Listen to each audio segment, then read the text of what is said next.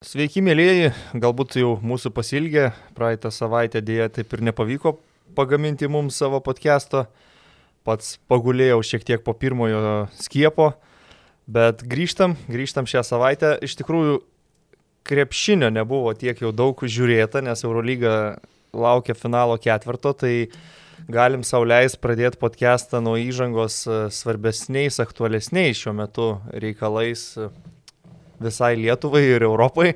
Eurovizijos konkursas startuoja jau šiandien. Karoli, neapsimetinėsime, turbūt, kad esame iš tų, kur nežiūri Eurovizijos, nes man žmonės, kurie labai garsiai visur nori pasakyti, kad nežiūri Eurovizijos, labai primena tuos, kur vos nepasigiriančių tonų sako, kad aš tai teliko neturiu namie. Nu, maždaug žiauriai kietas esu, nes neturiu teliko ir nežiūriu Eurovizijos. Tai mes neapsimetinėsim tokiais. Aš tik paklausiu, e, koks esi Eurovizijos žiūrovas. Ar tu iš anksto būni susipažinęs su šalių atsiųstais atlikėjais ir jų kūriniais, ar tu leidi savo, kad nustebintų Čekijos atlikėjai arba Šiaurės Makedonijos? Sveiki visi, jo, nebūsim Petrais gražuliais, kurie yra ryškiai prieš gėjus, bet vėliau atsiranda nuogas vyras kambarį ir lyg tarp kitko, tai jo, nežiūriu Eurovizijos, bet paskui jo, jo, ten tam Malta neblogai dainuoja, jo, jo, susipažinau. Balsavau, balsavau už, už, už Australiją. Aš anksčiau, kai dirbau praėjusioj savo bendrovėje, tai klausydavom dainas, vertindavom, sudarinėdavom lažybų pasiūlą, dabar viskas yra labiau automatizuota, tai mažiau to klausimo, bet su kai kuriam dainom būnu susipažinęs. Labai sėku lažybų pasiūlą Eurovizijoje, stebiu tai tuo tas, tas šalis, kurios tampa favoritomis, žiūriu, kas čia per, per velnes paleistas į tą, į tą atranką pusfinalį arba finale. Tai esu per taip maždaug pusiau, gal su favoritais būnu susipažinęs, bet, bet palieku savo tą plotą tokį ir, ir staigmenai. Žiūrėk, sakai, lažybų pasiūlas sudarinėdavot ir paklausydavo dainas, tai gaunasi praktiškai, kad toks kaip ir muzikos ekspertas, melomanas, kad jeigu, jeigu paklausai, nu, šitie tokie, duodam 12 kofą. Tai dar atsižvelgdavom ir, ir į kitas bendrovės, bet jo, būdavo truputį ir nuo savęs pridedama mm -hmm. nuomonės. Ai, čia rokas, nelabai. Praeitais metais panašus laimėjau, šiais metais nepaėjo. RMB mm -hmm. gali būti, kad ims. Ok, supratau, jo, aš tai tiesą sakant, tradiciškai, kaip ir kiekvienais metais, nesu girdėjęs dar ne vieno kūrinio. Ta prasme. Išskyrus lietuvišką, aišku. Uh, E, nie vieno nesu girdėjęs, nelabai nežinau, kas šiuo metu ten laikomi pačiais pačiausiais, e, bet aš toks esu Eurovizijos žiūrovas nuo finalo, sakykime, toks Glory Hunteris, pusfinalius e, retai tenka stebėti, tiesą sakant, dabar nelabai ir turiu tokios galimybės dėl darbo, nes labai kertasi su sporto įvykiais, šiuo atveju futbolu. Tai aš taip į finalą ateisiu dar nieko nežinodamas ir tada vat, jau išgirsiu ir sakysiu, va, va šita. Tik tai tiek, kad dažniausiai mm, daina, kurią išgirstu ir pagalvoju, kad va šitie tikrai geri, va šitie šiemet gali, tai jie, nu, kokius keturis taškus surenka per tą jau balsavimą bendrą.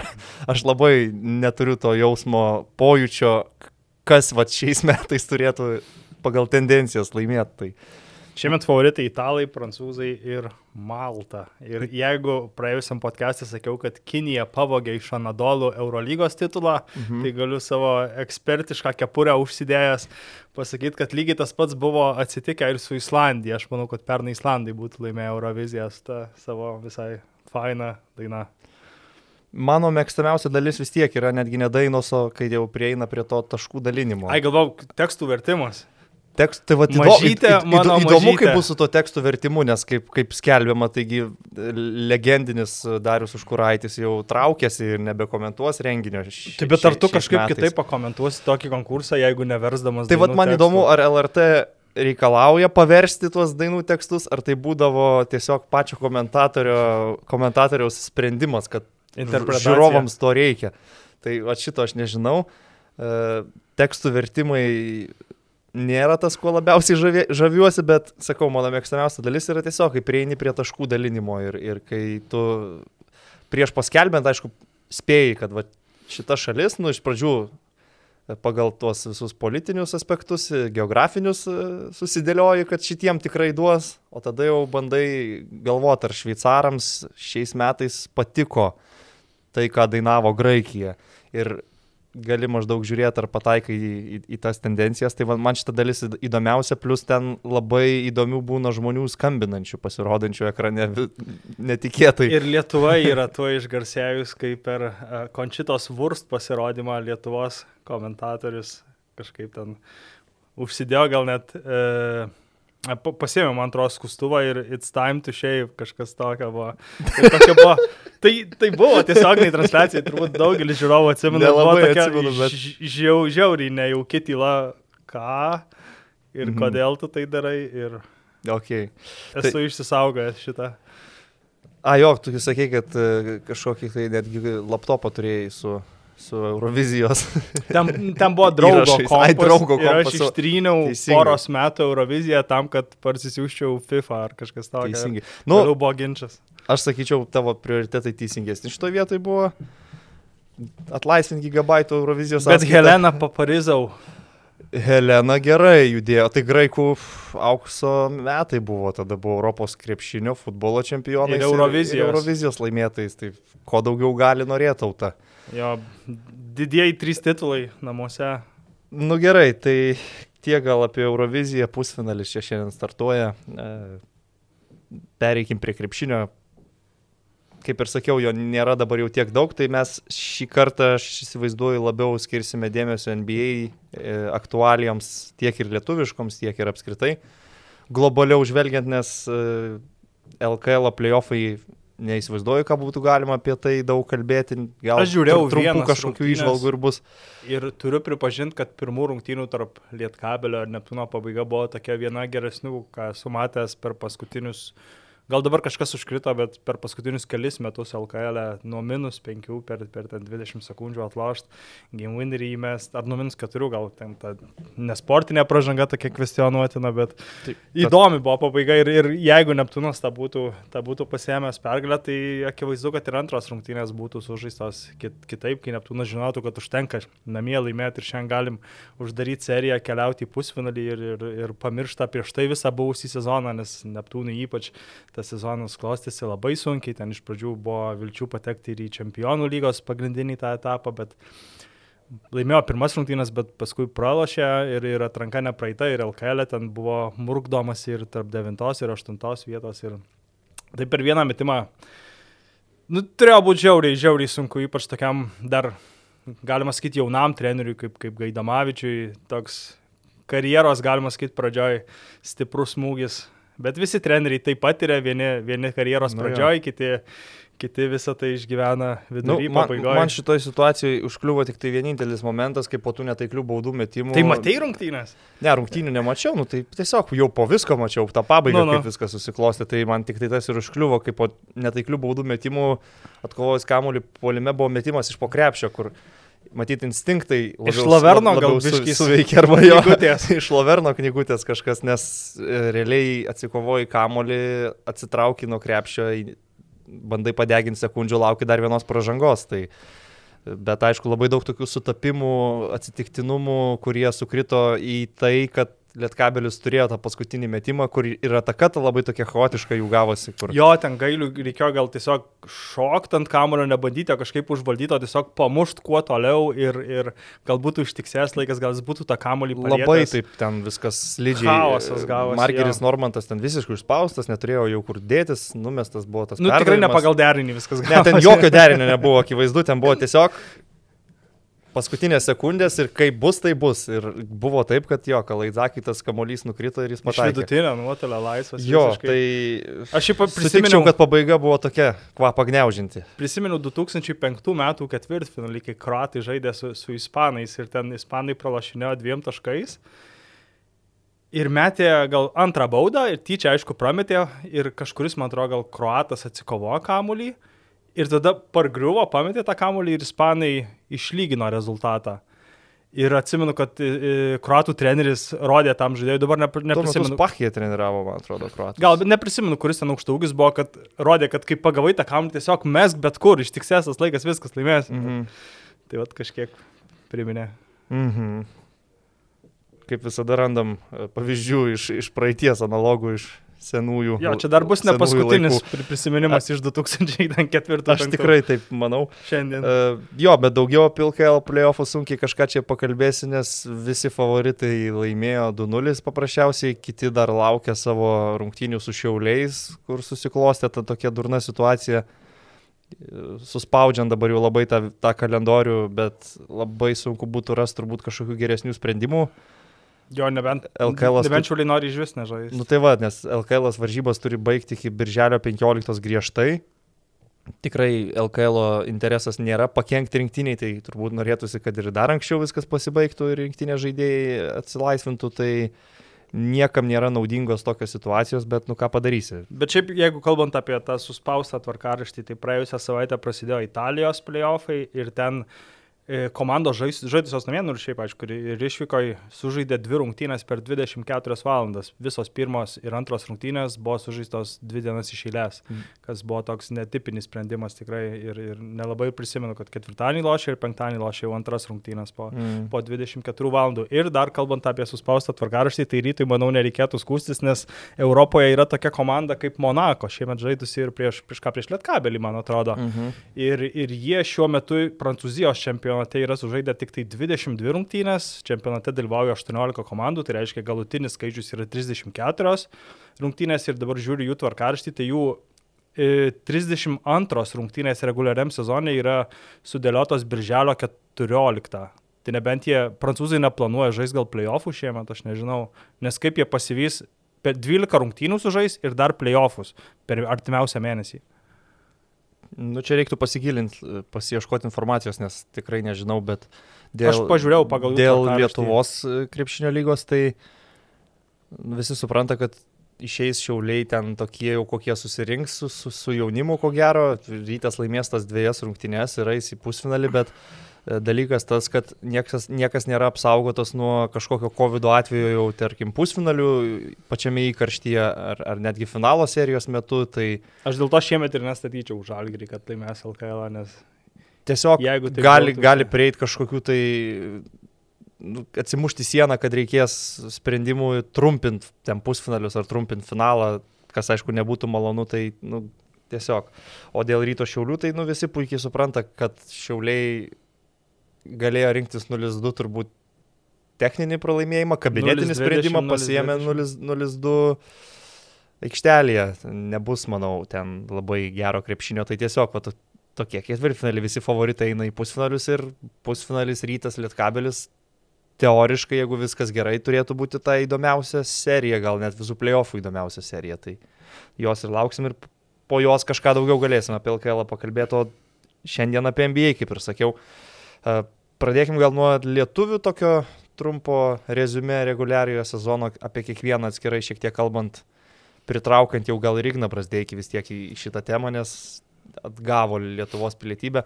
E, Pradedam nuo rytų konferencijos, galbūt nuo Domanto Sabonio ir Indianos Pacers. Mes apie šitą komandą jau nesikį esame kalbėję ir, ir, ir labiau apie tai, kad tai toks nusivylimas sezono, kad jie pagal potencialą turėtų būti na, ne play-in turnyro komanda, arba jeigu jau ir play-in turnyro, tai bent jau ne, ne, ne iš devintos vietos, bet susiklosti nemažai ir visokių traumų, ir jaunas naujas treneris, ir, ir buvo ten netgi gandai li- lindo per visus galus, kad ne va tai žaidėjai trenerio darbo metodais nelabai patenkinti. nepasitikė treneriu. Neitas Bjorgrenas toliau dirba e, su komanda, ruošiasi rungtynėms play-in turnyre prieš Šarlotės Hornets Domanto Sabonio. Asmeninis sezonas, nors labai sunku atskirti asmeninius rodiklius nuo komandos, bet NBA lygoje tas visai priimtina. Vertint žaidėją atskirai ir jo komandą atskirai, tai Domanto Sabonio sezonas jam asmeniškai, išskyrus tai, kad pasitaikė antroji pusė porą traumų, pakankamai solidus, sakykim taip, skaičiai geri. Pavyko, nors ir ne pačiu tiesiausiu keliu, antrą kartą prasimušti visų žvaigždžių rungtynės. Hypas, aišku, labai didelis kūrėsi aplinkui Sabonį nuo pat pirmų savaičių sezone, jisai fiksavo trigubus dublius, žaidė tikrai labai galingai.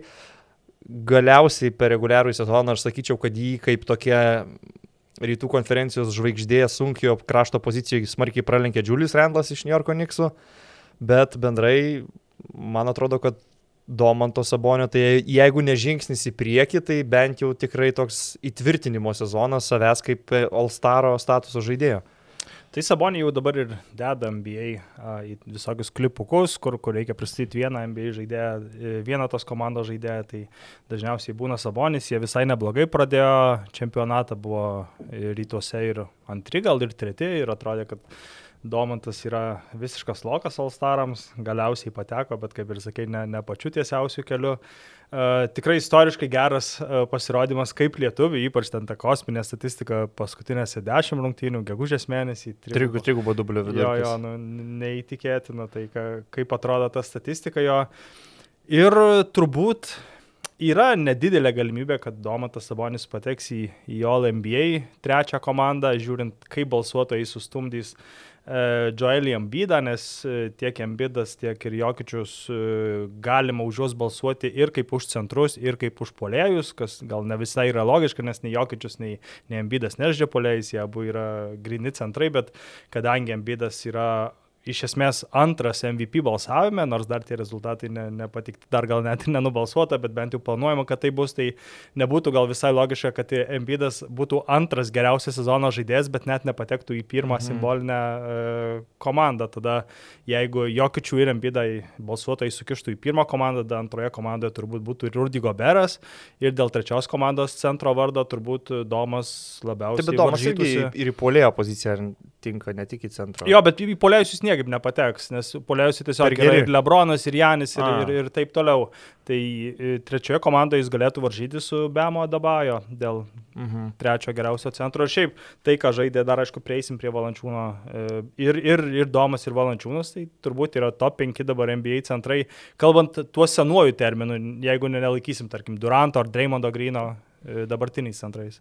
Mm, jo, jo nu, aišku, tas, tas pats Domatas Savonis nemažai turi pažaisti su, su Milesu Turneriu, kai Taip. ab, abu yra sveiki, tai Milesas Turneris, aišku, tada jau yra tas centras, rim protektorius, blokuojantis daug kamolių, Domatas Savonis, aš jį vadinčiau tokiu aukšto ūgių kuriejų, kuris, na, toks galbūt Pacerių mini Jokičiaus versija iš dalies yra.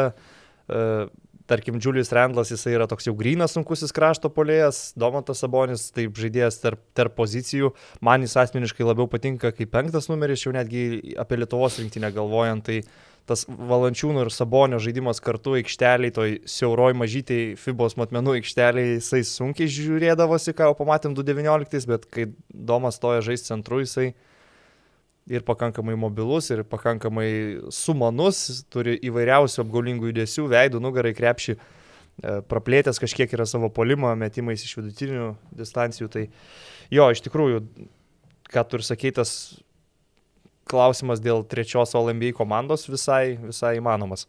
E, dėl pačių peiserių, man patinka, kad jie per mainus gavo Karisą Levertą, labai geras, man patinkantis žaidėjas, kokybiškas žaidėjas, kūrėjas, dar vienas aikštelėje, manau, kad ir Sabonis juo žais turėtų būti gerai.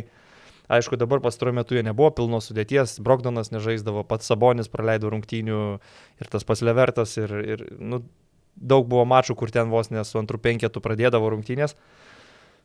Devinta vieta, mačas su Šarlotės Hornets namie. Pergalės atveju dėl aštunto sydo būtų žaidžiama arba su Boston Celtics, arba su Washington Wizards. Tiki Paceriais, kad jie gali laimėti du kartus? A, sunku būtų netikėtai, bet kas gali laimėti tas dvi rungtynės. A... Nu, bet sakykime, tarp šitų keturių komandų, ar tu juos objektyviai matai kaip trečią komandą maždaug pagal pajėgumą, ar tau, pavyzdžiui, Paceriai gal atrodo geresni už, už Wizards? Man atrodo, tobulo atveju, nors šį sezoną Paceriai ir, ir prarado uh, Oladipo, buvo pasikeitimų, ten su Laverto sveikata buvo problemų, jis tik tai uh, sezono gale pasijungė Jie, manau, laisvai galėjo varžytis dėl ketvirtos vietos, kurią galiausiai užėmė Niksai. Nes tai yra trys dideli banginiai rytuose, su kuriais tu nelabai pakovosi, nebent, nežinau, sužaisi labai gerą sezoną, pasimsi visas tas e, įtemptas rungtynės, visose pergalės kinsi. Tai, bet man atrodo, kad, kad Paceriai e, dar žemiau neturėjo kur kristi. E, man atrodo, kad devinta vieta yra vienas prastesnių šio sezono įvertinimų, bet jie man atrodo, kad jiem kitas zona yra labai daug vietos kilti į viršų ir, Jo, ir, ir kabintis už ten ketvirtos, penktos vietos ir Mm. gal net pagaliau praeitą vieną, vieną etapą. Daug medžiagos komandai yra, bet aišku, po tokio sezono gali vadovybė vėl spręsti tą patį trenerio klausimą ir svarstyti kažkokius tai pokyčius sudėtyje, ar, ar tai mainus, ar, ar galvoti apie laisvus agentus, atsisveikinimą su kai kuriais žaidėjais, bet čia jau grinai vasaros klausimai. Uh, jų varžovas Charlotte's Hornets, tokia grinai perimetro komanda, apsistačiusi su Terry Rauzyru, Devonte Grėjimu, Lamelo Bolu. Uh, tiesą sakant, formos Hornets labai blogos šiuo metu užbaigė reguliarų sezoną vien tik pralaimėjimais, pralaimėjo paskutinės penkias rungtynės iš eilės, pralaimėjo ir tą patį paskutinį mačą Vašingtono klubui, kur pergalės atveju jie galėjo atsidurti aštuntoje vietoje. Ir turėjo tą vieną klaidos galimybę. Jo, o Pacers tuo tarpu užsitvirtino devintąją vietą įveikė Raptorius paskutinėse rungtynėse, kur Torontui visiškai nieko nelėmė. Aš žiūrėjau mačą, komentavau mačą Pacers prieš Lakers. Kai tu, tu, minimaliai tuo metu Paceriai dar turėjo vilčių net aš- aštuntą vietą pasimti ir žaisti su Bostonu. Ir, nu, Paceriai ten be Domanto Sabonio, be Malcolmo Brogdano pakankamai rimtai pasipriešino ir neblogai kovėsi su, su NBA čempionais, kurie turėjo visą savo kolektyvą. Tai tokį įspūdį paliko visai neblogą, kad komanda atrodytų, kai yra prispausta prie sienos, gali žaisti, turi su kuo žaisti ir tikiu, kad Hornetsų barjerą turėtų įveikti. Bet tada žiūrint jau į priekį, vienos rungtynės, tarkim, su Washingtono Wizards, aš manau, kad tokiuose vienose rungtynėse Bylo ir Westbrooko talentas yra šiek tiek per didelis varžovams, nors aš manau, kad Pacers šiaip yra geresnė komanda už Washingtoną, bet vienose rungtynėse, man atrodo, tokie du žaidėjai per didelį skirtumą gali padaryti. Na, aišku, žinot, Westbrookas gali savo komandos nenaudai skirtumą padaryti, bet realiai aš galvoju, kad Wizardsai gal net būtų pranašesni, juo labiau dar žaistų namietas rungtynės. Jo, NBA taip jau skaičiuojama, kad, kad serija arba ten vienas rungtynės, jeigu viskas sprendžiasi vienose rungtynėse, laimi ta komanda, kuri turi geriausią žaidėją rungtynėse. Tai šiuo atveju, tarkim, Vašingtonas turbūt turėjo, turėtų du geriausius žaidėjus per abi komandas ir, ir aišku, ir aikštės pranašumą ir, ir būtų favoritai, bet net ir patekę į, į, į, į playoffus, Paceriai tada turbūt išeitų, net neturbūt tikrai išeitų prieš Filadelfiją ir ten irgi tie playoffai būtų tokie, nors, aišku, mano nuomonė, tai būtų lengvesnis. Biškai geriau prieš Filadelfiją, negu Brukliną. Brukliną šiuo atveju, Turbūt, taip, bet, taip. bet vis tiek ta serija gal kaip ir praėjusiais metais burbulė neužsitęstų ir gal būtų penkių ar šešių rungtynių serija, bet šis sezonas toks jau tiesiog yra ir... ir Nu, bet kokia atveju dėliojasi taip, kad Domantas Sabonis prie Lietuvos rinktinės galės prisijungti labai normalių laikų, netgi pasiruošti nuo pat pradžių. Jo, jis nėra sakęs, Oli- kad atrankai ar to, nebuvo iš jo tokių pasisakymų, tai pagal datas jisai tikrai visur suspėtų ir, ir kontrolinių rungtynių pažais spėtų, kurių aišku daug nebus. E, Čia šiaip apie tą rytų konferencijos plin turnyrą kalbant, taip avansų net nesinori man Bostonui duoti pergalės prieš Vašingtoną. Bostonas tikrai nėra labai geros būklės komanda šiuo metu. E, Man jie yra gal net vienas didesnių nusivylimų viso sezono. E, Šiaip Celticsų organizacija labai mėgstu dėl jų vadybinių sprendimų, nes jie nuolat pataiko su mainais, nuolat pataiko su pasirašymais žaidėjų, su šaukimais naujokų biržoje, su Man treneriu Bredu Stevensu. Jo, man labai patinka Danny Angel su savo uh, šalta logika, atmeta visas emocijas, paskaičiuoja, ar mums verta tai daryti, nes yra tokių, tarkim, komandų MBA, kurios nors ir žino, kad permokės už žaidėją, bet jie neturi pasirinkimo. Bostonas, aišku, nėra ta organizacija, yra žaidėjų ir didelių žvaigždžių, kurios nori žaisti už Bostoną, bet lygiai taip pat man patinka Danny Angel šaltas protas ir šalta logika be jokių em- emocijų. Jo, ir jį dėl to vadina tuo, su kuriuo niekas nenori su, sudaryti sandorį, nes, nes visą laiką tu lieki nuskriaustas, o jis lieka išlošęs. Jo, jeigu per mainų deadline tau skambina Danny Angel, tai nekelk. Geriau nekelt, geriau nekelt iš tiesų. Ir šiais metais jie irgi per mainus atrodė dar pridėjo gerų detalių, tokių kaip Evanas Furnie. Nu, man, mane šiek tiek nustebino, kad jie Danielį Taisą siuntė, pasiemė Wagnerį. Čikagoje. Kitą vokietį jo.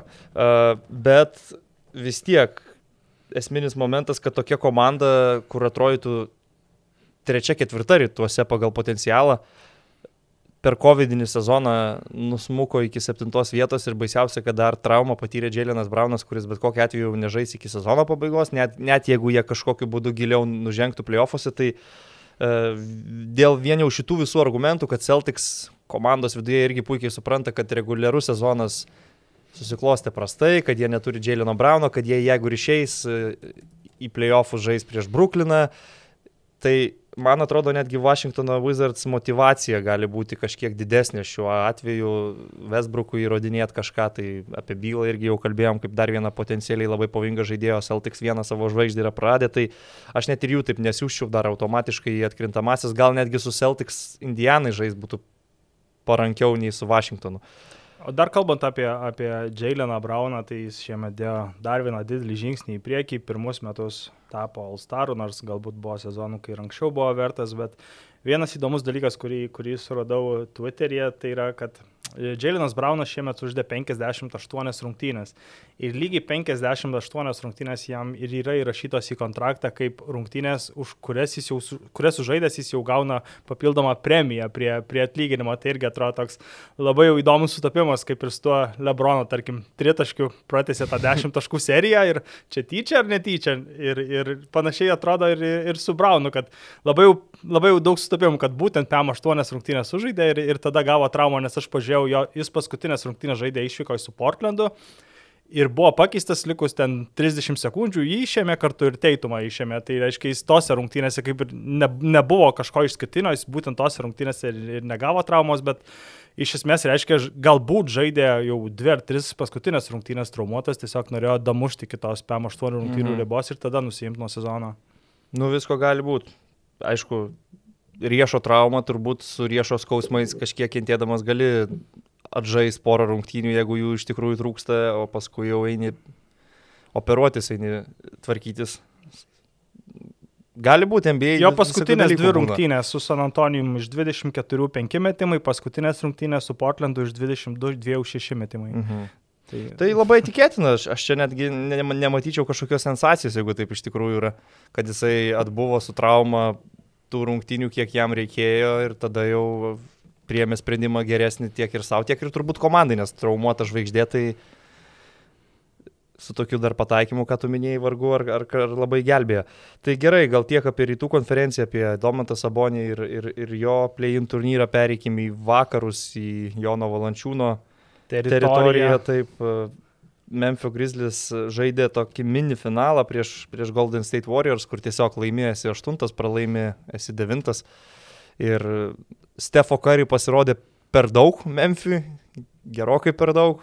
Stefas ten pasiautėjo ketvirtam kėlinį, netgi kai Memphis grįžinėjo ir, ir buvo persverę rezultatą dviem taškais, kari visą laiką jautėsi, kad jisai yra padėties šeimininkas ir laimės šitas rungtynės. Nors tai... truputį užtruko, kol jis įsibėgėjo, nebuvo, kad nuo padžių. Prametė gerų pradėjo, metimų nemažai, bet, bet tas jo judėjimas be kamulio, man tai kažkas tokio neįtikėtino ir kaip jie ten vienas kitą supranta, tie backdorai, Dreymondo Grino paduoti kamuoliai nuo grindų, tokie pa, perdavimai.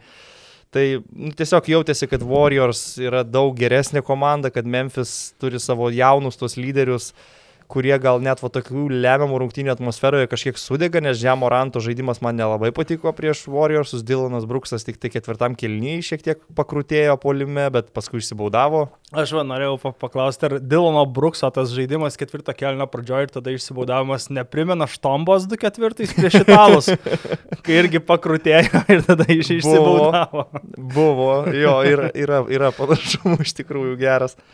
Uh, tai Tai va, tiesiog. Viskas baigėsi referencą į 2004 judam. Tiesiog komanda geresnė, protingesnė, labiau patyrusi, ar ne, nugalėjo tokias va jaunas žvaigždės.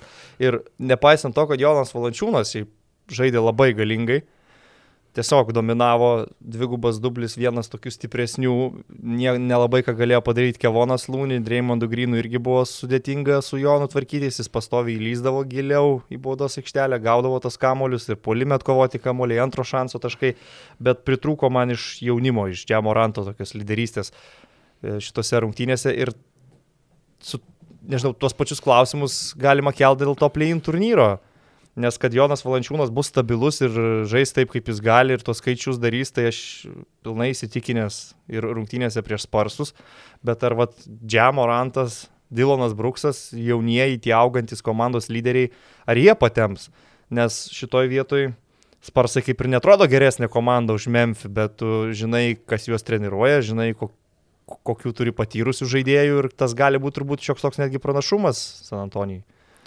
Uh, jo, tikrai, jau prieš rungtynės aišku, ko galima tikėtis iš Jono Valančiūno, ta gera energija po krepšiu, atkovoti kamuolėm, ten kartais atrodo, kad net nėra prieš ką kovoti, nebent prieš savus žaidėjus. Uh, aukščiausias, tvirčiausias žaidėjas aikštėje labai dažnai ir, ir susirinka tos kamuolius, netrodo, kad net yra kartais labai sunku ir, ir sugrūda iš, iš pokrepšio ir įmeta puskablius ir iš esmės susirenka visą statistiką, kurią iš, jos, iš jo turbūt reikalauja treneris, dar prisimenant tas rungtynės su, su Golden State ir kaip tu kalbėjai apie, apie karį, tai man irgi patik, pa, pa, paliko labai didelį įspūdį, nors aš kažkaip nebuvau labai daug Golden State rungtynių šį sezoną matęs ir galvojau, kad Karis daugiau išsimeta po driblingo tritaškių. Nors buvo ir tokių, kai, kai tarkim, į kairę ateina užtvarais, persimeta per nugarą, suklaidina varžovą, kad, kad eis link užtvaros, to nepadaro, išsimeta tuos savo tritaškius iš 8 metrų, bet lygiai taip pat įmesdamas Dreimondui Grynui į paustą kamuolį ir tada arba jis kerta link krepšio. Gyvengau vadinamas. Jo, jo, jo, arba, arba tada po užtvaros kerta linkiam 5 laipsnių ir ten iš esmės jau apylaisvis išsimeta tą tritaškį ir žiūrint taip per, per teleką, netrodo tai taip sunku, jis darys arba vieną arba kitą, jis nieko kito nesugalvos, bet kažkaip vis tiek jis išsimeta tuos metimus apylaisvis arba, arba net ir neapylaisvis tiesiai į veidą varžovui ir Šiaip wow, tai yra unikalus žaidėjas. Žiauriai sunku čia, nu, ta prasme, po driblingo išmest metimo, man atrodo, yra daug paprastesnis dalykas, ypač jeigu tu esi koks vat, atletiškas gynėjas, ale Westbrookas.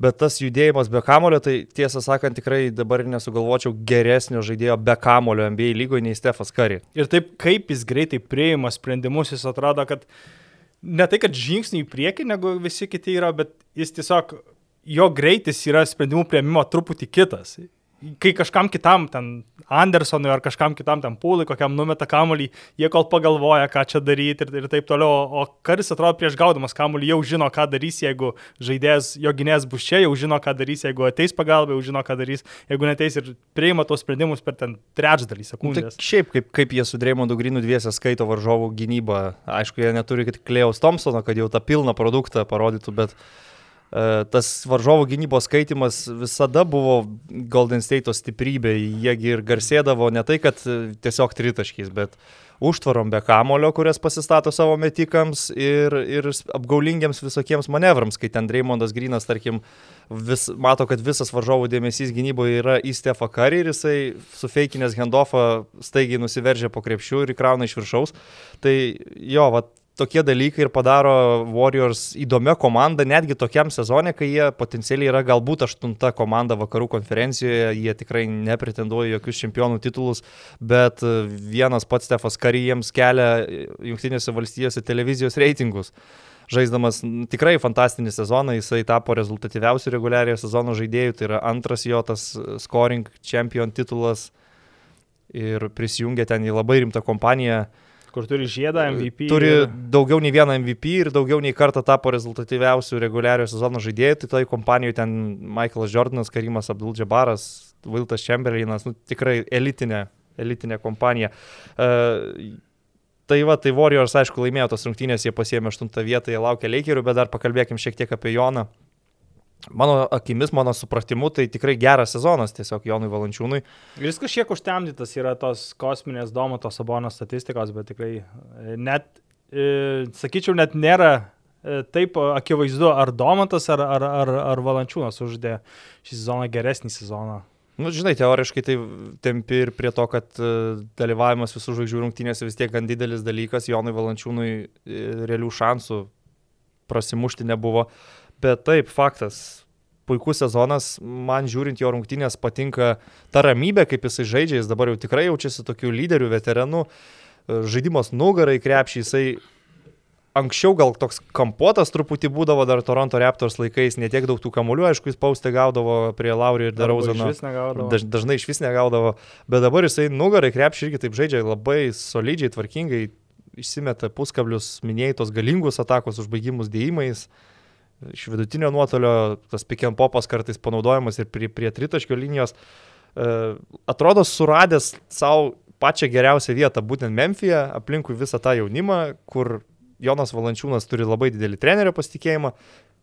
Klasikinis centras, kur šiais laikais ten koks Zubacas, tarkim, jisai žaidžia, bet e, ribotas labai minutės, ribotas vaidmuo, čia klasikinis centras, bet vis tiek jisai turi savo 30 minučių. Ir jis net nėra kažkoks labai senas, jis, jam 29 šiemet ar jau su jo, ar dar tik su jais, tai dar, tik, dar iš esmės žaidžia savo, savo prime. Jo, ir, ir netgi tas, kad jį varžovai kažkur tai atakuoja, ten 2 prieš 2, taip stipriai nebado akių, kad ir Vasuvorio žaidė, gal tik tai porą buvo situacijų, kai ten jam teko pakilti prie kario ir jisai nelabai ką gali padaryti, bet realiai jis puikiai priema sprendimus toj komandiniai gynyboje. Ir Memphis kaip komanda pernai turbūt, sakykime, kažkiek nustebino, kad jie kabinosi už atkrintamųjų varžybų, burbulė jiems truputį nepasisekė. Šį sezoną iš jų jau gal maždaug tiek ir buvo tikimasi, kad jie bent jau play-in turnyre turėtų atsidurti, kaip, kaip ir nutiko. Devinta vieta, aš sakyčiau, kad jeigu apie Indianą kalbėjom kaip nusivylimą, tai Memphis daug maž savo vietoj, ne? Jo, jo, maždaug tiek ir galima buvo jų tikėtis, jie, jie galbūt ten galėjo nukristi į kokios 11 vietos, 11 vietoje, man atrodo, pelikanai liko, bet turbūt galėjo kabintis ir, ir, į, ir į 7 vietą geriausiu atveju, tai maždaug yra ten, kur ir turi būti, nėra ko labai liūdėti šį sezoną. Ir Tai- dar kalbant, dar trumpai grįšiu apie tas rungtynės su Golden State, tai maždaug prieš savaitę tos rungtynės buvo anonsuojamos kaip kario ir bylo. E, grumtynės dėl e, rezultatyviausio žaidėjo titulo, bet taip jau gavosi, kad Bylas e, ar praėjusios savaitės pradžioje, ar dar prieš tai gavo traumą, praleido porą rungtynių ir kadangi NBA rezultatyviausiam žaidėjui e, nustatyti skaičiuoja ne vidurkį, o, o taškų totalą, tai kariui ten, man atrodo, gal net antram kelnyje metęs porą taškų jau tapo rezultatyviausių žaidėjų, bet jeigu Bylas nebūtų buvęs traumuotas, tai gal būtumėm švydę, ten tarkim, Bylas tą patį vakarą įmeta 40 taškų, o, o e, kadangi rungtynės vyko anksčiau, karis jau žino, kad jeigu įmesiu ten 7, ne, ne 70, ten kokius 48 taškus, tapsiu rezultatyviausiu sezono žaidėju. Ir tai jau yra buvę NBA istorijoje, kai Davidas Robinsonas prieš maždaug gal kokius 95 gal ar 94 kažkas tokio, prieš rungtynę žino, kad jam reikia sumest gal ten 60 ar kažkiek taškų, tai sumetė 7-1. Ir Sparsų treneris pasakė savo žaidėjim, nebent esat labai laisvi, tada metat, jeigu ne, tai visi kamuoliai Robinsonui pagrepšiu. Bet čia irgi NBA, NBA kultūros dalis, kad vis tiek tokie dalykai yra svarbus ir jeigu yra galimybė, tai pasiimti tą titulą reikia. Uh, apie play-in turnyrą patį kalbant, uh, apie- Memphį, manau, viską jau kaip ir išsakėm.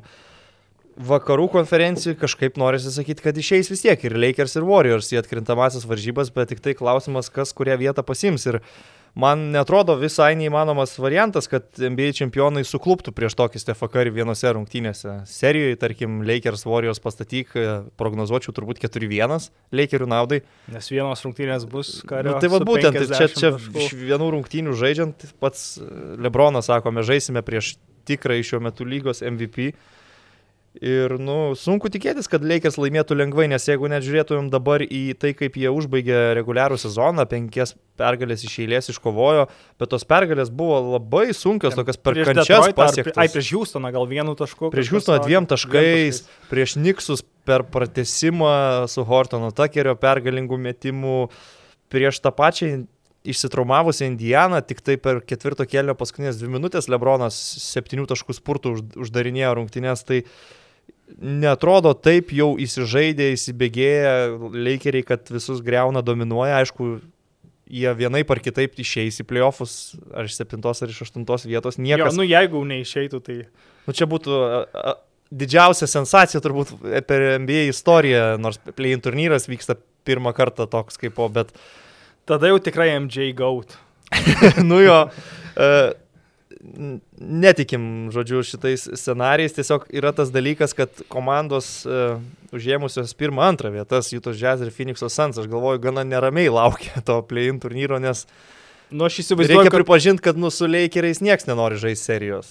Nors Krisas Polas sakė uh, TNT žurnalistams, kad uh, NBA jis žaidė vakaruose jo visą karjerą, niekada nebuvo lengva, nei, nei kai žaidė New Orleane, nei kaip žaidė Clipperiuose, e, nei kai žaidė paskui Oklahomoje, niekada nebuvo lengva, tas pats su Houstonu buvo, tai jis, jis e, nekreipė didelio dėmesio, prieš ką reiks prieš tą ir žais, bet nu akivaizdu, kad Phoenixas šią naktį, ne, atsiprašau, kitą naktį sirgs už Golden State, kad Golden State pasimtų tą septintą vietą.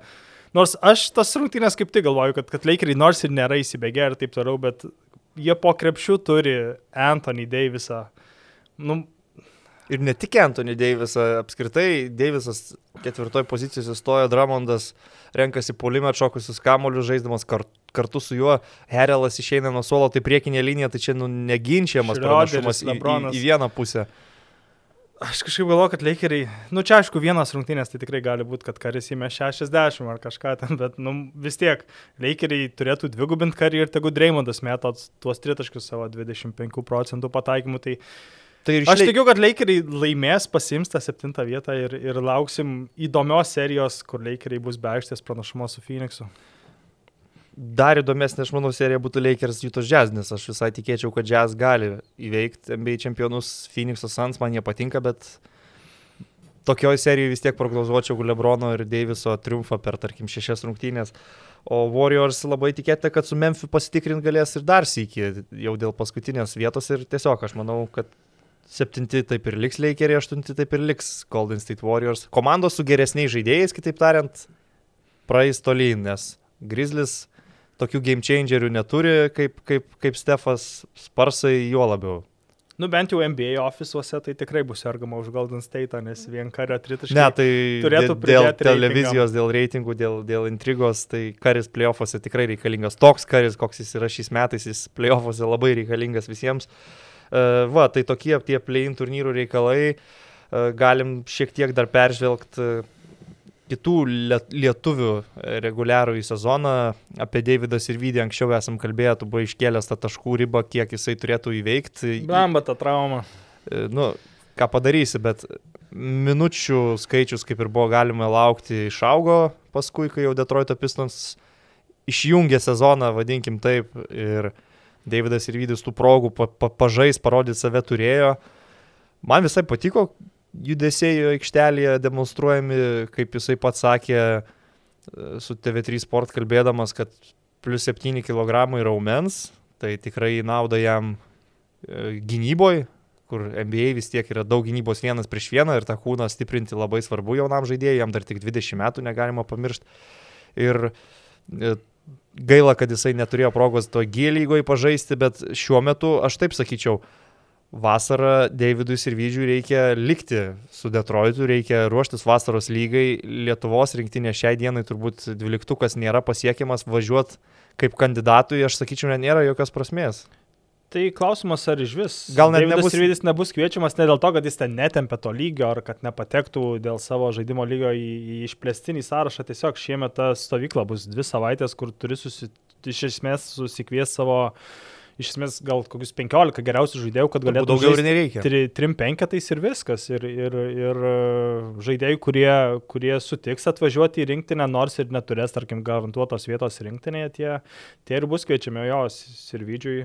Aš nelabai matęs šį sezoną, kaip jisai žaidžia, bet, Nuo šrungtyrių pilnų irgi nelabai tiesiog. bet jeigu sako, kad žiauriai patobulėjo, tai aš truputį numušu tą žiauriai ir nutikiu, kad kažkiek patobulėjo. Aš tai labai pilnai tikiu, kad būdamas MBA virtuviai, kur toks didelis akcentas yra būtent žaidėjo individualių įgūdžių tobulinimui, kur klubas visada jaunam žaidėjui sudaro programą, numato, kur jisai turi tobulėti labiausiai, kad, va, tarkim, tų raumenų prisiauginti, aš tai visiškai įstikinęs, kad jisai asmeniškai patobulėjo, būdamas NBA e, kitą sezoną jau va, turės vasaros lygą, galbūt jau galės ir G lygoje kažkiek pažaisti, pakaupti tų, tų minučių.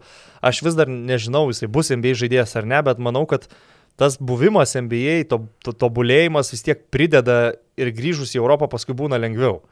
Yra žaidėjų, tokių ten gali grįžti į praeitį, kaip ten Viktoras Krepa ar Sergejus Monė buvo nuvažiavę labai jauni į NBA lygą, nieko jie ten atrodytų daug nepasiekė, bet pabuvo Portlandė, Čikagoje, dirbo, treniravosi ir grįžę į Europą jau grįžo kaip, nu, normalios, gal ne Eurolygos žvaigždės, bet, nu, Krepa gal net ir Eurolygos žvaigždė. Tai Eurolygos legenda. Tai va, tai aš manau, kad tas NBA gali taip atrodyti žmonėms, kad va Trina suolą nežaidžia, tai čia nieko gero, bet uh, realiai tai yra labai geros sąlygos žaidėjai tobulintis paprasčiausiai. Nu jo, įsivaizduoju, kad ten kiekvienas. Nes Europoje to žaidėjas- nėra. Europoje, jeigu tu 20 metais ir sėdi ant suolo, tai tu nu, praktiškai kaip, ir stagnuoji. NBA, tu tiesiog asmeniškai tobulėjai, tavo komanda gali būti atrodyto pisnas, dugninė komanda, kuri nieko nelaimi. Tai netame esmė. Tai jeigu komanda dugninė, tai žaidė dar, dar geriau netgi.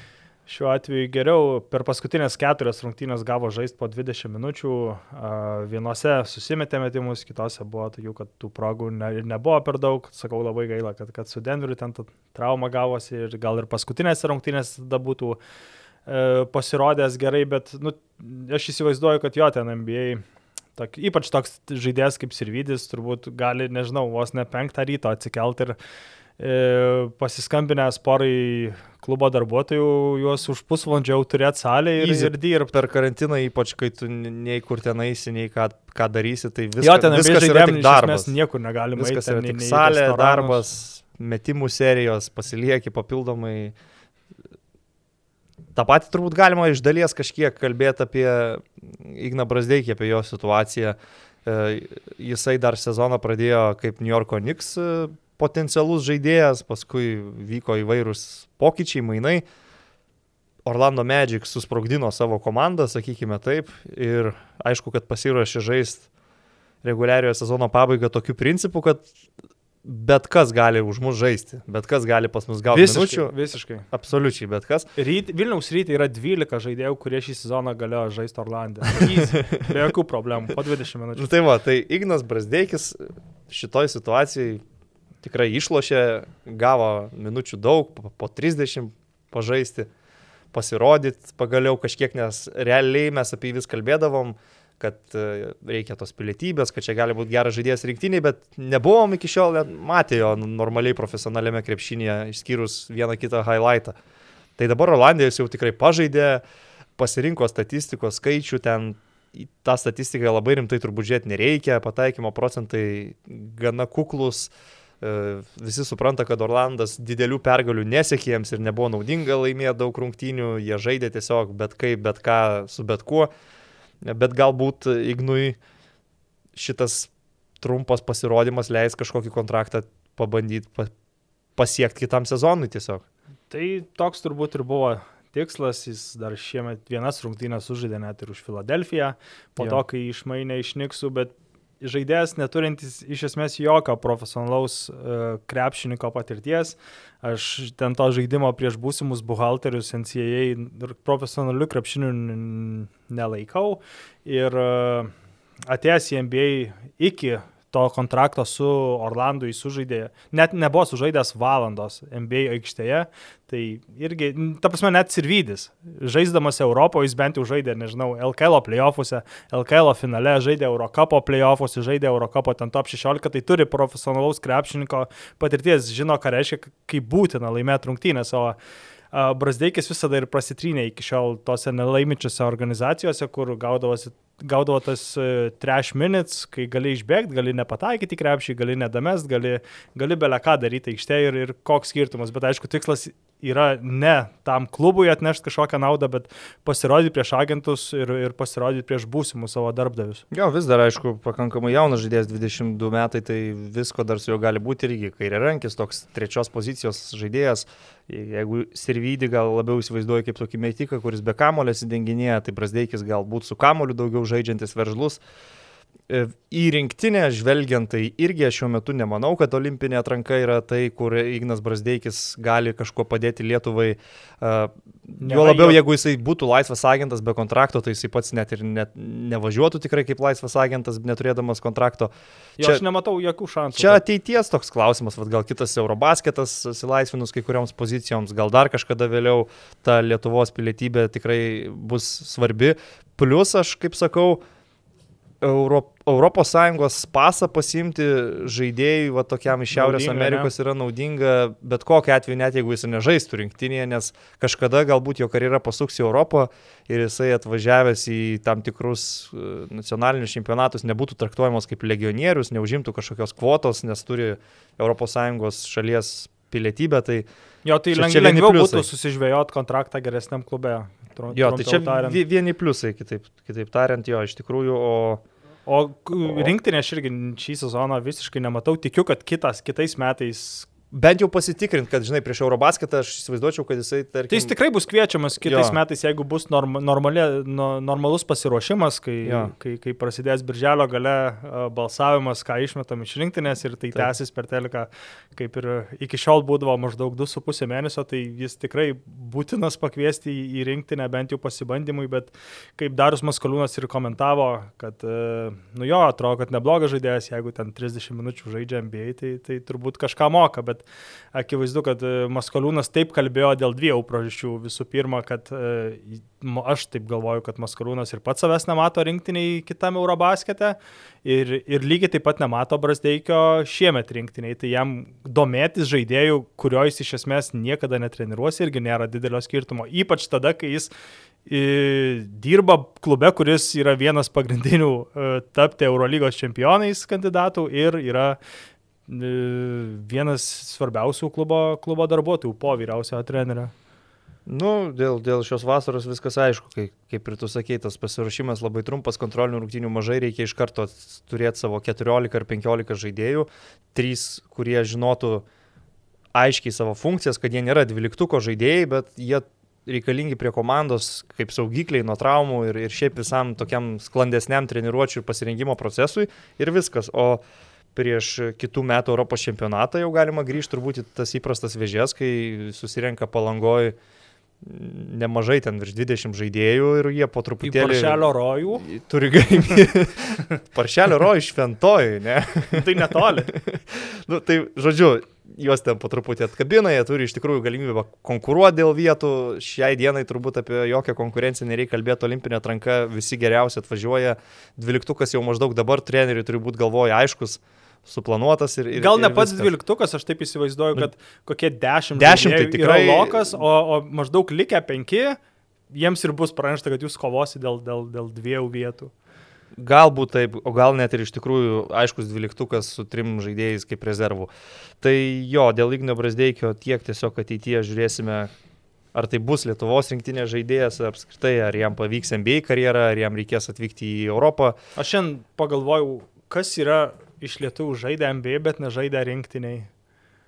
Tai nėra tokio žaidėjo. Ne, nu tokio, kad visiškai nebūtų sužaidęs, tai ir nebus, nes, nes Židrūnas Ilgauskas vis tiek Jo, žaidė atrankoje. pažaidė Bet finaliniame etape turbūt tik tai, turbūt tik tai Ilgauskas. etape tik, tik Ilgauskas, nes Martynui Andriuškevičiui teko Vis sužaisti vieną sužaidė, turnyrą jo, jo, jo. 2010-ųjų. Matėjūnus poras sužaidė. Matėjūnas poras sužaidė, apie Kleizą net nėra ką kalbėti, Macijauskas, Jasikevičius, visi, visi aiškus, Net jeigu ir Praškevičių Songaila. e, traktuojam kaip rinktinė ždė, tai, tai Europos irgi- čempionas jo. dar. Tai ne, tokio, tokio nebus, nes ir senieji Marčiulionis Sabonis tai rinktiniai daug atidavė. Tai va, tokie va lietuvių reikalai. Pakalbam dar šiaip apie... apie Aš jo norėjau apie tai. šiaip apie NBA reguliarų sezoną pasibaigusi, apie tą, tą, tą, tą reikiuotę play-in turnyrą jau pačiupinėjom. Po šešias komandas vis tiek konferencijose yra aišku, kurios išeina ir jau žino savo varžovus ir ruošiasi. Kurios poros pirmame etape potencialiai gal tau atrodytų tokios nešančios didžiausią intrigą. Tai turbūt kaip ir visiems iškart akis nukrypsta į Milvokis Miamis praėjusio, praėjusio sezono antro etapo buvo toks kaip ir desertas, daug kas tikėjosi, nors ir nelengvos, bet Milvoką perga- pergalės, bet tai kaip Miamis puolė, kaip išsimesdavo staigiai tritaškius su, su Hero, su Robinsonu, tai kokią e, gynybinę sieną jie statė prieš, prieš Janį su Bemo Debajo, su Iguodala, su kitais žaidėjais, su gal net Kel, Kelio Linikas gal net žaidė. Buvo Linikas, nebuvo Į- toks įme- labai, įmetamas- labai svarbus, bet kažkiek žaisdavo kaip pats sarginis. Uh, tai čia turbūt kryptų akis į, į, į, į, kaip į tą porą, į kurią būtų įdomiausia turbūt pažiūrėti, bet uh, šį sezoną aš vis tiek įsivaizduoju, jeigu ir vėl Milvokis praloštų nuo, nuo Miami ir, ir neišeitų iki į kitą etapą, tai jau praėjusiais metais iš esmės buvo tragedija, bet du metus iš eilės užlipti ant to paties uh, grėblio, nu būtų Jau labai gal ir keista. galvos lėktų, nes kol kas jokios galvos nenulėkė. Nors jau buvo kalbos, kad ten treneris uh, Milvoka net ir po pirmų ar vienų ar dviejų rungtynių su Miami kažkokių labai jau prisitaikymų prie Miami tos gynybos prieš Janį ir šiaip prieš per a, a, apie visą Miami gynybą per daug kažkokių pristaikymų jis netlikdavo, jis žaisdavo tą savo sistemą, maždaug kaip Pablo Laso pagal savo lapelį, kaip žaidžiam, taip žaidžiam. Tai e, yra tų porų, kurios bus įdomios, lygiai tas pats su, su, su Niksai, su Atlanta. E, mhm. Niksai užkopė į tą ketvirtą vietą, pasėmė tą vienintelį laimingą bilietą iš likusių 12 komandų rytuose, kurios, kurios viena, viena iš tų komandų galėjo pretenduoti tą aikštės pranašumą net ir pirmam raunde. Tai bus įdomu pamatyti rytuose ypač. Aš e, dėl Miami ir Milwaukee, ką pasakyčiau pernai, tarkim, aš visus playoffus ėjau su Miami ir nuo pat pradžių sakiau, kad čia yra ta komanda, kuri išmės Janį iš, iš playoffų, bet šiais metais kažkaip taip užtikrintai nesijaučiu. Uh, nes reguliarus sezonas jiems labai jau sunkiai klostėsi, iš esmės jie kaip ir turi visą, pa, nu ne visai tą pačią, bet panašią medžiagą, panašius e, metodus gali pritaikyti gynyboje, tą sieną formuojant nuo, nuo Janio Antetokumpo, e, tikrai turi daug patirties, puikius žaidėjus, bet kai tu matei tą sunkų sezoną, tą jų sunkų kelią, kyla vis tiek klausimas, ar į playoffus jie ateina pačios geriausios formos. Na taip, iš paskutinių uh, šešių rungtynių laimėjo penkias, finišavo tikrai pakankamai galingai, užsitikrino savo ramiai tą šeštąją vietą, išvengė play-in turnyro, turi puikų trenerį Jimmy Butlerį, visus kitus, Bema Debajo, tą vieną iš jaunųjų rytų konferencijos žvaigždžių.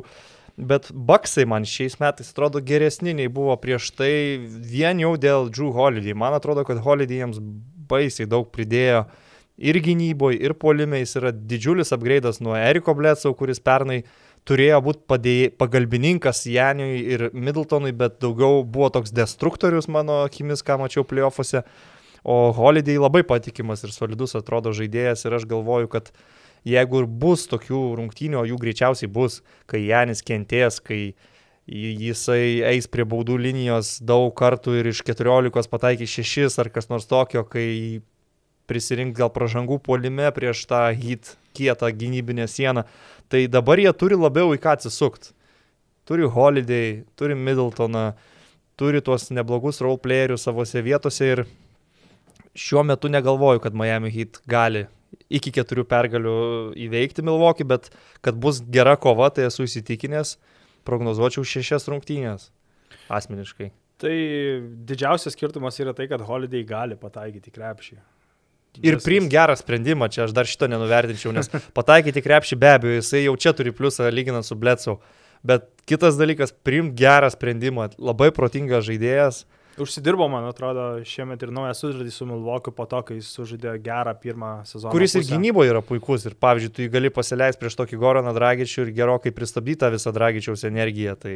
tai net ir antram raundė, jeigu Bucksai ir, ir Brooklynas išeis, tu gali nebijot e, Holiday po išsikeitimo ir prieš Durantą. Durantas, jeigu ir pataikys tą savo metimą, tai pataikys, tai jis prieš bet ką gali jį pataikyti, bet Holiday bent jau sudarys jam nemalonę situaciją. Nu, jis labai tvirtas virukas iš tiesų. Tai va, dėl, dėl visų šitų dalykų kažkaip šiais metais tokio didžiulio tikėjimo, kad hit e, pateiks sensaciją neturiu, bet e, irgi serijos laukiu Niksai su Atlanta. Man Atlantos Hawks, nežinau, galbūt dėl to, kad Triango gerbėjas nesu per daug neimponuoja, o Niksai kaip tik, sakyčiau, šiais metais užsitarnavo mano akise didelę pagarbą. Kaip... Kiek tu jų rungtynių matei? 19, sakykim taip. Tai nemažai. Tarp, tarp 10-12. Tai labai daug komentavau kokias 3-4 ir dar mačiau. Tai, nu, komanda tokia, kur reguliarų į sezoną traktavo rimtai, sakykim taip. Gindavosi, stengdavosi. Blemba prie Tibodau, tu, tu gal net ir treniruotės traktuoji. Tai matyt, kad va, tas toks senosios mokyklos treneris su griežtesnė ranka Tomas Tibodau labai juos gerai visus ten suvaldė, padėjo Juliui Renlui tapti jau tikrai didelę žvaigždę, vienu geriausių elitinių sunkiųjų, e, sunkiųjų kraštų. Ir pastaruoju metu man tokia atgaiva širdžiai buvo žiūrėti Dereką Rauzą, kaip žmogus atgavęs meilę krepšiniui. Iš Detroito, kur jau visiškai tikrai tos motivacijos nebuvo, atvažiavo pas savo buvusi trenerį, sutinka ir savo buvusi komandos draugą iš Čikagos laikų Tažą Gibsoną. Ir žaidžia labai gerai, iš tikrųjų Derekas Rauzas reguliariojo sezono pabaigoje žaidė labai efektyviai matosi, kad jisai nori atsakomybės kamulio, nori žaisti rungtynių pabaigas. Tai čia didžiulis pliusas Niksam, kad jie Dereką Rauzą prisiviliojo sezono metu. Tarkim, prarado pagrindinį centrą Mitchell Robinsoną, nelabai jaučiasi, Randlui padeda priekinėje linijoje Noelis, išeina Gibsonas veteranas, duoda tas minutės, nu ir Tomas Tibodov, aišku, turbūt čia nuo jo viskas ir prasideda, kad Niksai užkilo į ketvirtą vietą rytuose. Rauzas ilgą sezono dalį dar pretendavo tapti ir šeštų geriausių lygos žaidėjų. Um, nors ten tas žaidimas Detroitą gal kažkiek jam ir pamaišė ir aišku, Juta turi du labai rimtus kandidatus e, - Joelį Inglesą ir, ir Jordaną Clarkson. Clarksoną, sumušiau su Crawfordu. Tai Rauzas turbūt netaps pirmu e, NBA istorijoje žaidėjų, kuris laimėtų per savo karjerą ir MVP, ir geriausią šeštą žaidėjo apdovanojimą, bet jo, atrodo neblogai, aš tik tiesiog nežinau, netikiu Niksais. Aš tai tiesiog tikiu, kad jie veiks Atlantą ir tiek, o čia... Aš galvoju, kad, kad nepraeis ir Atlantas. Ai, manai, kad Atlantą. Jo, laimės. aš kažkaip galvoju, kad tų žaidėjų nors ir yra patyrusių, bet e, playoffų patirties nedaug kas turi, Baretui bus pi- pirmi, pir, pirmas rungtynės playoffuose, Balokas, man atrodo, gal yra žaidęs tik tai porą rungtynių playoffuose, e, tas pats yra su Rendlu, jokių rungtynių playoffuose ir e, labiausiai patyrę ir yra, kaip ir minėjai, Tažas Gibsonas ir Derikas Rauzas. Nu, bet Atlantos didžioji žvaigždutė, tarkim, irgi jokios patirties neturi. Jo, bet aš kažkaip vis tiek labiau pasitikiu Bogdanovičium Kapelą negu, negu tarkim, Nikso, Niksų žaidėjais ir, ir galvoju, kad Atlantą pasiims. Nu, aš labiau pasitikiu gynybą, gal sakykime taip. Man atrodo, kad Atlantas Hawks gynybinis potencialas yra labai menkas, Tai čia bus jie žaidžia su Trejangu. Polimas prieš, prieš Niksai gynybą.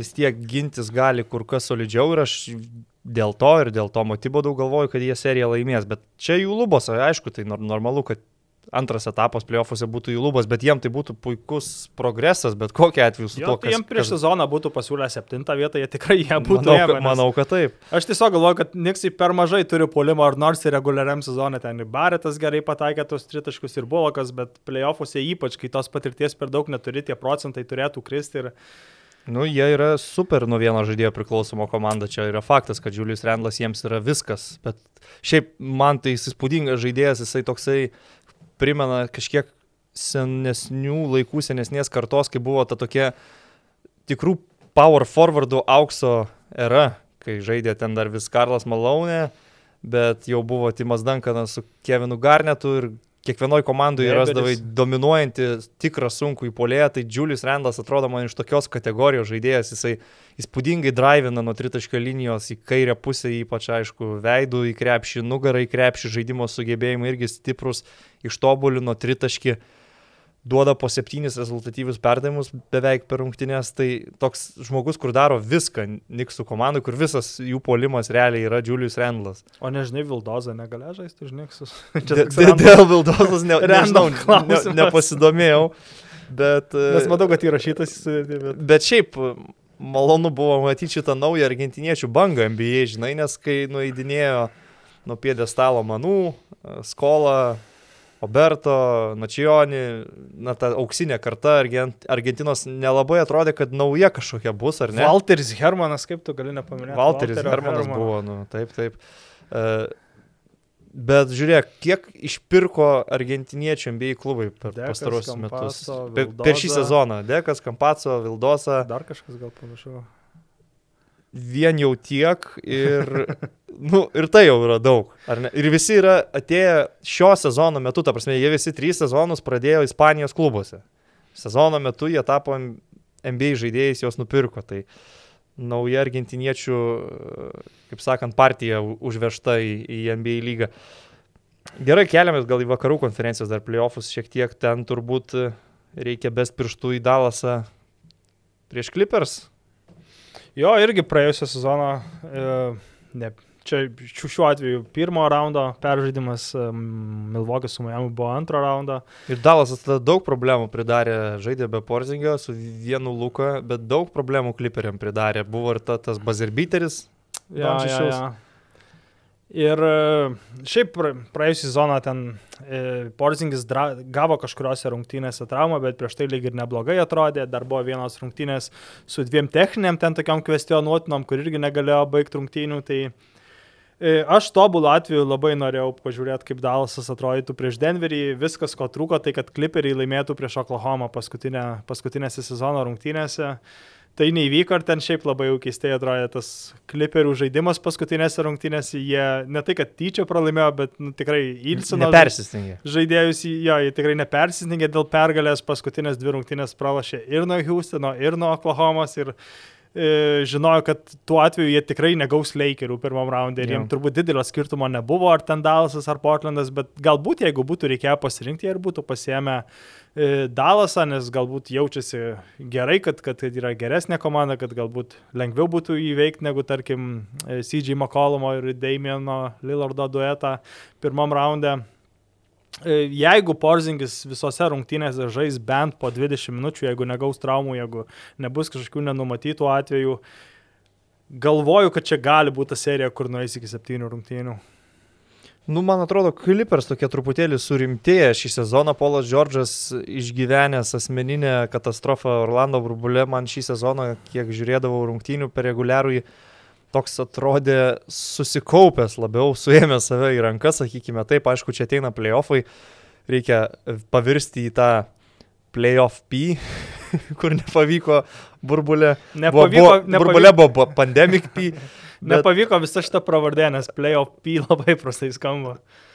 Nu, bet žodžiu, kliperiai man šį sezoną kelia didesnį pasitikėjimą nei kad pernai, kai jie ten buvo kažkokie, tai nežinau, atleidę vadelės, ar kas jiems nutiko, kodėl jie taip griuvo. Tai Dalaso Mavericks turi ką pasiūlyti, be abejo, sutikčiau ir dėl Porzingo, kad jeigu jisai pajėgų žaisti kiekvienose rungtynėse bent jau kažkiek, jo tos gynybos minusus gali nusverti jo dideli ryškus pliusai polime. Uh, Luka Dončičius pradėjo sezoną, sakykime, taip be formos, bet laikui bėgant jisai įsibėgėjo, įsižaidė, jis dabar jaučiasi tikrai gerai ir atrodo gerai. Buvo jungęs tą ankstesnių sezono, sezonų Jokičiaus režimą, kai maždaug į kokį vasarį jau įeidavo į formą. Nu, žinai, žinai, kada reikės žaisti, tada pradėsi rimčiau žaisti. Vis dar aišku, apie Dalasą taip kalbama, kad jiems trūksta dar vienos žvaigždės iki kažkokių labai didelių dalykų, kad trūksta dar vieno žaidėjo prie Luka Dončičiaus, Timas Hardavajus, jaunesnysis, nemanau, kad yra tas žaidėjas. E, aišku, Rika Karlailą jie turi prie šoninės linijos labai patyrusi sumanų strategą, kliperiam vadovauja toks labiau žaidėjų draugas, kaip vadinama, Tyronas Lū. Tai čia... Tie... Mama Karlailas net yra treniravęs Dražiną Petrovičių Bruklinę. Ne kaip pagrindinis treneris, bet va, tiek jis turi patirties. Tai va, tai tais taktiniais klausimais gal didesnį pasitikėjimą keltų Dalasas šiuo atveju serijoje. Net nežinau dėl tų septynių rungtynių, aš galvoju vienai per kitaip Clippers laimėjęs, bet bus, bus tikrai sunku jiems. O toliau Denveris Portlandas, aš irgi nenuvertinčiau šitos serijos, nes uh, kaip minėjai, Damieną Lillardą, CJ McCollumą, su jais lengva nėra, Denverio Nuggets sezono metu prarado Džemalą Murray, vis tiek tai yra didelis nuostolis, Nikola Jokičius MVP, bet e, netrodo man labai neįmanoma, kad MVP iškristų pirmam etape. Jo, nors Denveris turėtų būti šiek tiek favoritas toje serijoje. Visai neseniai dar Denveris žaidė su Portlandu ir pažiūrėjau, YouTube buvo iškirpti Kampaco gynybos epizodai prieš Lillardą, tai atrodė, kad uh, Nors sudėjimas visai panašus, gal kampaco truputį žemesnis. Rankos trumpesnės. Jo, jo, bet pridaro problemų Lillardui išsimestos metimus, iš esmės padaro tiek, kiek jis fiziškai įmanoma, kad nu, galėtų padaryti. Pasaulio čempionatą, kiek jisai padarė, pavyzdžiui, ten dekolo vaikydamasis ir kitus, tai jis sugeba tos dalykus iš tikrųjų. E, Portlandas, aišku, turi Nurkičių kaip tokią atsvarą Jokičiui. Kuris yra buvęs Denverio žaidėjas ir dar kažkada ir buvo kova dėl startinės pozicijos, ar Jokičius ar Nurkičius turėtų ją užimti. Tai aš visai kažkaip tikiu Portlandu šitoj serijai, tiesą sakant, nors esu irgi didelis gana Nikolo Jokičiaus talento gerbėjas. Tai aš daimų Denveris 4-0. 4-0. Ką jau čia? Ne, ne, juokauju. Šiaip turėtų būti gera serija, aš, aš, aš pritariu. O dar grįžtant trumpai prie kliperių, tai šį sezoną jau vakarai tokie yra, kad prie visų komandų iš esmės yra prie ko prisiknist ir man atrodo, kad tada visi keliai ir veda į kliperius. Juta neturi labai daug patirties playoffuose žaisdami kartu. Phoenixas iš esmės nauja organizacija, ten 10-15 metų nežaidus playoffuose, plus CP Free tik pirmą sezoną atėjęs į, į komandą. Ir greičiausiai su Lakeriais pirmame etape. Ir Eitonas su, su, su Bookeriu iš vis neturi jokios playoffų patirties. Denveris neturi Marėjaus. Dalasas su Mavericks, da, da, irgi jau kalbėjom, kad ta sudėtis yra per plona playoffams ir, ir jeigu ir praeitų tą vieną raundą, tai turbūt kristų antram. Portlandas irgi panašiai neturi tos trečios žvaigždės ir, ir CJ su, su Lillardu nepatems. Net, net tiek daug turi. Lakeriai visą sezoną buvo tie pagrindiniai žaidėjai traumuoti ir be to visi keturi raundai jiems būtų be aikštės pranašumo. Ar da visi keliai tiesiog veda į kliperius. Jie vieninteliai tie, kurie, prie kurių nors ir užėmė ketvirtą vietą, bet nu, nelabai yra prie ko prisiknisti. Jie yra pailsėję, jie, jie, jie pasiruošę pradėti. Jie turi grįžusi net ir Seržai Baką po traumos. Gerai pasipildė vasarą, nors ir, nors jo. ir jau kalbėjom, kad ir Montrezla prarado, bet, bet Baką atrodė, kad gerai. Tai Kaip... užpildo plus pasipildė rondą ir dabar jau yra, man atrodo, net ir moksliškai įrodyta, kad toks dalykas kaip, kaip playoff ronda egzistuoja. Jis iš tikrųjų pakelia tą savo žaidimo lygį playoffuose ir būtų žiauriai įdomu pamatyti, kaip, kaip atrodytų žaidėjas, kuris e, turbūt pirmą kartą istorijoje laimėtų žiedus su Bostonu, su Lakeriais ir su Clipperiais. Nu, pirmą kartą istorinė su Clipperiais. Bet kokia atveju būtų pirmas kartas istorijai man jų tos jazz vis tiek išlieka labai įdomi komanda. Jis man kelias šiokių tokių sentimentų, netgi primena San Antonijaus pars ger, geriausius tos geruosius laikus, kai buvo Manų, Tonis, Timas. Irgi toks internacionalas, žaidžia gana gudrų tokį europietišką krepšinį. Treneris jį ten pamišusių mokslininkų vadina. Uh, E, galbūt labiau dėl išvaizdos, bet ir dėl to, kad jisai tikrai puikiai treniruoja tą komandą, jisai turi irgi europietiško krepšinio patirties, yra Maskvos SK klube dirbęs. Ir labai gerai viskas ten sustatyta, visi savose vietose, tu kai sakėjai, tarkim, kad jie neturi daug playoffų patirties kartu, tai yra tiesa, bet tie žaidėjai atskirai turi labai daug svarbių rungtynių patirties įvairiuose kontekstuose. E, Ingalsas, Bogdanovičius, Goberas, im ką tik tai nori. Donovanas Mičelas galbūt nėra toks apšaudytas, bet aš kai jo žaidimą stebiu, man tokią ramybę jisai kelia, tokį stabilų žaidimo lygį demonstruoja, kad aš įsivaizduoju Mičelui tarp playoffų ir reguliariojo sezono žais nėra didelio skirtumo. Prisimenu, Rolando burbulą jie pralošė Denveriui ir ne, septynios rungtynės galėjo laimėti pirmą 3-1, bet ten buvo grinai Mičelo ir Marijai asmeninė dvikova ir Mitčelo skaičiai buvo nu, tikrai kosmosas toje serijoje. Jie tikrai ne dėl Mitčelo lyderystės trūkumo pralaimėjo.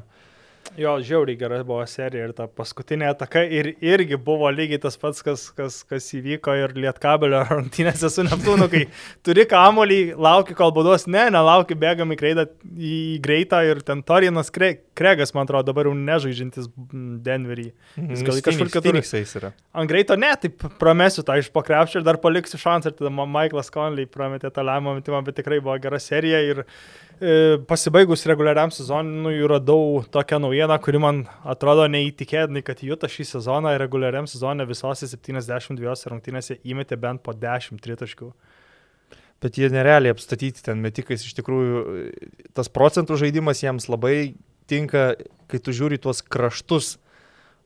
Bojanas Bogdanovičius, Joe Inglesas, Roisas Onylas, visi virš 40 procentų spot apmetikai. metikai Donovanas Mitčelas po driblingo elitinis metikas, Maikas Konli mėgsta jis aišku savo flauterį, bet tritaškius irgi puikiai pataikantis. E, Džordžas Niangas, toks role playeris, kur turi vieną aiškę savo funkciją, dar labiau išplėsti polimą, laukti prie tritaškio, išsimest, irgi pataiko puikių procentų. Rudy Goberas yra vienintelis žaidėjas, iš kurio tritaškių nereikia, nes jisai yra elitinis baudos aikštelės saugotojas, vadinkime taip, lanko saugotojas. Uh, E, jam, kaip sakant, Jokičius yra tas neparankus varžovas, tai su Jokičium gal net netek šį kartą susidurti atkrintamosiose varžybose. Tai aš visai tikiu jų, tai iš tikrųjų nesakau, visi atskirai jie turi pakankamai tos patirties, kad ir Maikas Konlis su Memphis yra dypinės smarkiai playoffuose, daug pasiekęs pakankamai. Tai...